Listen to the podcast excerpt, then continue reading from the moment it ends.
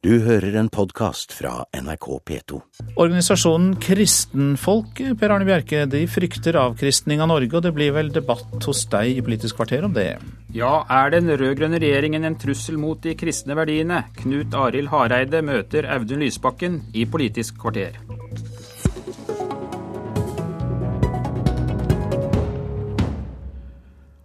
Avkristningen av Norge er kommet ganske langt. Det mener Bjarte Ystebø, styreleder i organisasjonen Kristenfolket. Det som eh, skjer med, gjennom lovverket og gjennom de politiske prosessene, det syns jeg har kommet ganske langt. Når eh, det ikke lenger i Norge skal være tillatt å ha skolegudstjenester til jul f.eks. For Noen foreldregrupperinger har klart å presse det tilbake, men i praksis så blir jo dette nektet veldig mange steder. Og det er etter initiativ fra den rød-grønne regjeringen. Øystein Djupedal tiltrådte jo i 2005 med å si det at vi skal ikke lenger ha skolegudstjenester. Det samme med at kristendommen skal likestilles med alle andre tenkelige religioner. Eh, dette var nokså utenkelig i Norge for noen år siden, så prosessen har kommet langt. Bjarte Ystebø i Aktuelt på NRK2 i går kveld. Denne uka samler han de kristenkonservative til konferanse i Oslo. Og leder i Kristelig Folkeparti, Knut Arild Hareide, du skal innlede på konferansen. På hvilken måte mener du at de kristne verdiene er truet? Ja, nå vil jeg si at dette med avkristning og at de kristne verdiene er trua, så tror jeg det aller viktigste der er at eh, vi som kristne deltar aktivt i menighetsliv. Det tror jeg det aller viktigste. Så tror ikke jeg politikerne kan styre om det blir avkristning eller ikke. Det er det på en måte kristenfolket sjøl som, og vi, eh, og deltar aktivt. Men det er klart at på en del områder så forstår jeg den bekymringen, fordi vi har opplevd òg under den rød-grønne regjeringa noen politiske utslag som vi har vært uenige med. Og La meg bare nevne kort noen eksempel på det. Det ene er jo at en forandra kristendomsfaget, det som heter KRL-faget. Det ble til et religion, eh, etikk og livssynsfag. Kristendommens posisjon i det faget ble betydelig redusert. Eh, det var en skuffelse for KrF. Vi var med på å innføre KRL-faget i sin tid, men vi ønsket en større andel kristendom. Eh, så kom det en formålsparagraf i skolen fra regjeringa. Forslaget fra regjeringa altså var ikke forankra i de kristne og humanistiske verdiene. Så ble det en endring i Stortinget, men det var en tydelig skuffelse. Eh, så er det sånn at f.eks. regjeringa har auka bistandsprosenten, og auka bistanden, det har vært bra. Men de ideelle kristne organisasjonene er blitt en mindre viktig del av det budsjettet. Som noen eksempel. Leder i SV, Audun Lysbakken, er dere med på å avkristne Norge? Nei, jeg vil ha meg frabedt den typen uh, anklager. Vi i SV har mange kristne medlemmer, vi har mange kristne velgere. Og jeg er ikke på noen måte negativ til religion.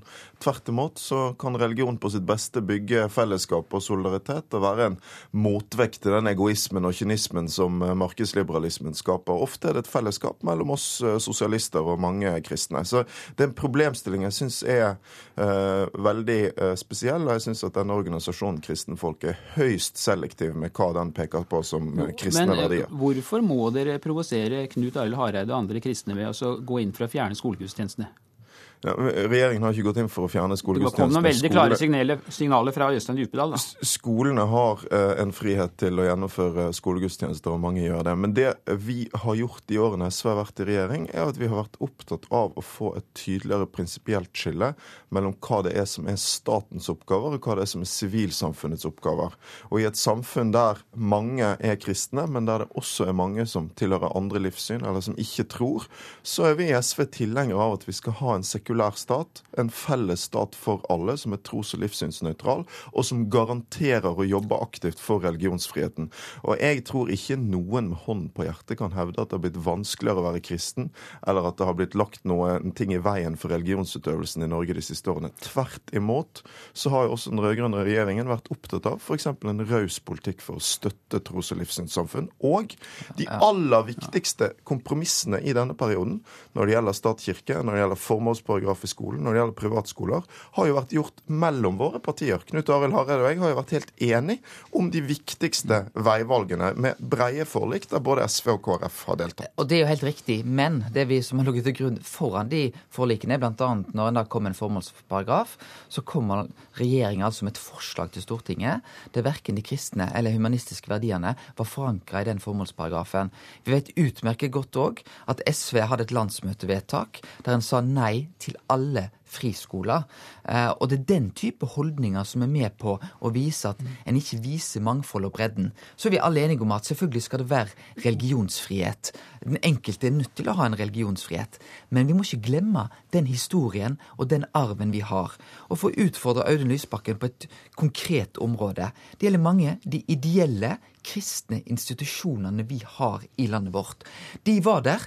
De var der lenge før staten var der med sine velferdstjenester. De var der lenge før Nav. De var der fordi de brydde seg om enkeltmennesket. Nå ser vi at de institusjonene blir pressa ut, både av de statlige, eh, de offentlige aktørene, og av de private kommersielle aktørene. Over 10-20 institusjoner av den typen blir lagt ned hver eneste år under rød-grønt styre. Virke sier fortsetter denne utviklingen, så vil de være borte innen fem til ti år. Vi snakker om Blå Kors sine institusjoner. Vi snakker om, eh, om ulike kristne eh, ideelle institusjoner som har vært der i mange, mange hundre år og som nå forsvinner bort. Hvorfor gjør en ikke mer for å ivareta den type institusjoner? Ja, Lysbakken, Hvorfor tar ikke mer vare på disse institusjonene, som jo tradisjonelt har gjort et viktig humanitært arbeid her i landet? Men dette er faktisk en bekymring som jeg deler. Eh, SV har vært veldig opptatt av å verne om de private ideelle aktørene. Jo, men Det har jo ikke gått noe særlig bra med det jo, men sitter La meg ta et eksempel. Nå innfører vi gjennom Inga Marte Torkelsen, som er eh, barneminister, et nytt system i barnevernet der eh, de avtalene som er med private aktører, ikke skal ut på anbud, men skal gå over til løpende avtaler. Nettopp fordi vi ønsker å verne de ideelle aktørene mot kommersialisering. Og jeg mener at det er mange eksempler på at vi i det rød-grønne samarbeidet har stått for verdier som må være nærmere det KrF eh, og mange kristne står for, enn høyresiden. La meg bare nevne restriktiv alkoholpolitikk, bistand, sexkjøpsloven, barnevernssatsing, forvalteransvaret knyttet til miljø. Og Derfor kan jeg ikke for mitt bare liv forstå at kristenfolket som nå skal samles senere denne uken, mener altså at det er mer kristelig å gi makten til billig sprit- og pornopartiet til Siv Jensen enn til miljø- og rettferdighetspartiet mitt. Det er eh, vanskelig for meg å forstå at det skal være mer kristelig, når vi ser hvor mange konfliktsaker det er opp mot høyresiden, som nettopp går f.eks. til angrep på de ideelle, Har- gjennom å ville ha en kommersialisering av velferdsstaten. Hareide, hvorfor tror du at du får mer gjennomslag for kristne verdier og det du står for i samarbeid med Fremskrittspartiet, enn ved å støtte Audun Lysbakken? Jeg tror nok det har vært fordi at den type signal som har vært fra regjeringa de siste årene, har vært veldig negativ til både kristendommens betydning for enkeltmennesket og for oss som samfunn eh, som helhet. Det er en tenkning om at eh, det skal være en likebehandling, og ikke se den arven som vi har. Og jeg tror f.eks. bare det signalet fra SV-statsråden i sin tid om, om at bordbønn var helt uaktuelt å ha i skolen, det var tross alt kirka som starta med skole i sin tid. Men jeg er Men, helt jo, men altså, Billigere sprit, f.eks., det er vel ikke helt i tråd med de kristne verdier? Eh, Nei, jeg mener jo ikke det. Og vi står for en tydelig annen politikk. Men vi har styrt sammen med Høyre før og vist at vi kan ha en forsvarlig og god alkoholpolitikk. Det samme har vi gjort på, på bistand. Men jeg har lyst til å gi nettopp SV honnør for det arbeidet de gjør bl.a. på miljøsida. Og for meg, når jeg snakker om kristne verdier, så er det viktig for meg å få fram at det er ikke bare snakk om noen få enkeltsaker. Det er òg snakk om miljø om fattigdom, og der gleder det meg at eh, vi står sammen med SV. Men hadde SV vist litt større respekt for hva religion betyr for enkeltmennesket, hva kristendommen betyr for vår nasjon og vår historie. Og jeg tror at hvis det blir sånn at vi skal likebehandle, ha en full Må- likestilling på religionsperspektivet Lysbakken får 20 sekunder til slutt her. Burde det vist mer respekt, Lysbakken? Nei, i et mangfoldig samfunn så må staten ikke gi privilegier til ett livssyn. Men det er ikke det samme som ikke å ha respekt for kristendommens sterke posisjon i vår historie og vårt samfunn. Og Derfor så har jo SV og KrF stått sammen om mange viktige saker. Jeg tror den store utfordringen til de som møtes senere denne uken, er om de virkelig tror at de får mer kristne verdier sammen med Fremskrittspartiet. Det tror ikke jeg. Må jeg si takk til dere to.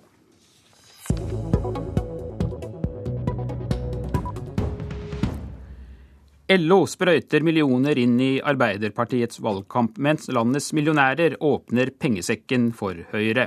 Blant Høyres velgjørere finner vi blant andre et privatskolekonsern. Og Lars Arne Ryssdal, du er generalsekretær i Høyre. Hvorfor tror du at eierne av en privatskole gir penger til Høyres valgkamp?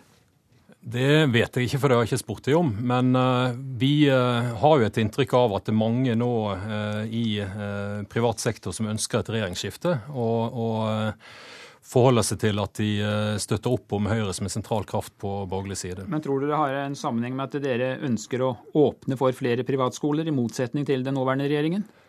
Jeg tar jo eh, for gitt at eh, de fleste av de som både er medlemmer hos oss og som eh, gir bidrag for øvrig, støtter Høyres politikk, så, det vil ikke være noen overraskelse. Men, men, jeg tror også denne privatskoleeieren har fått med seg at det er en mindre sentral del av vår totale kunnskapspolitikk.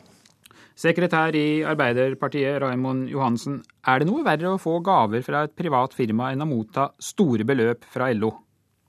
Altså Både Arbeiderpartiet og Høyre mottar jo støtter. Uh, millionærene og skipsredere gir penger til Høyre. Arbeidstakerorganisasjoner gir til Arbeiderpartiet. Og det er helt greit. Det at det er åpenhet om hvem du får gave fra, syns vi er det aller viktigste. Men det er ingen tvil om at mange av de aller rikeste i Norge nå har store forventninger til valgresultatet til en Høyre- og Frp-regjering. Men de forventningene har vel også LO hvis det blir en rød-grønn regjering. Og hva tror du LO venter å få tilbake? Absolutt. Eh, Arbeiderpartiet har hatt et eh, samarbeid med LO i over 100 eh, år. Og vi er veldig stolte av den støtten vi får fra arbeidstakernes organisasjoner, som kjemper sammen med oss mot sosial dumping for flest mulig skal være i arbeid, og at vi skal ha et ordna arbeidsliv. Så vi deler Eh, mange av de viktige målsetningene for Norge. Ryssdal, men jeg har ikke dette litt å gjøre med at man kjøper seg politikk? For hva tror du Høyres forslag om å fjerne formuesskatten har å si for givergleden blant millionærene? Ikke så veldig mye hvis en skal dømme på reaksjonene, for det har ikke kommet inn noe spesielt bidrag etter at vi hadde vår pressekonferanse om, om, dette.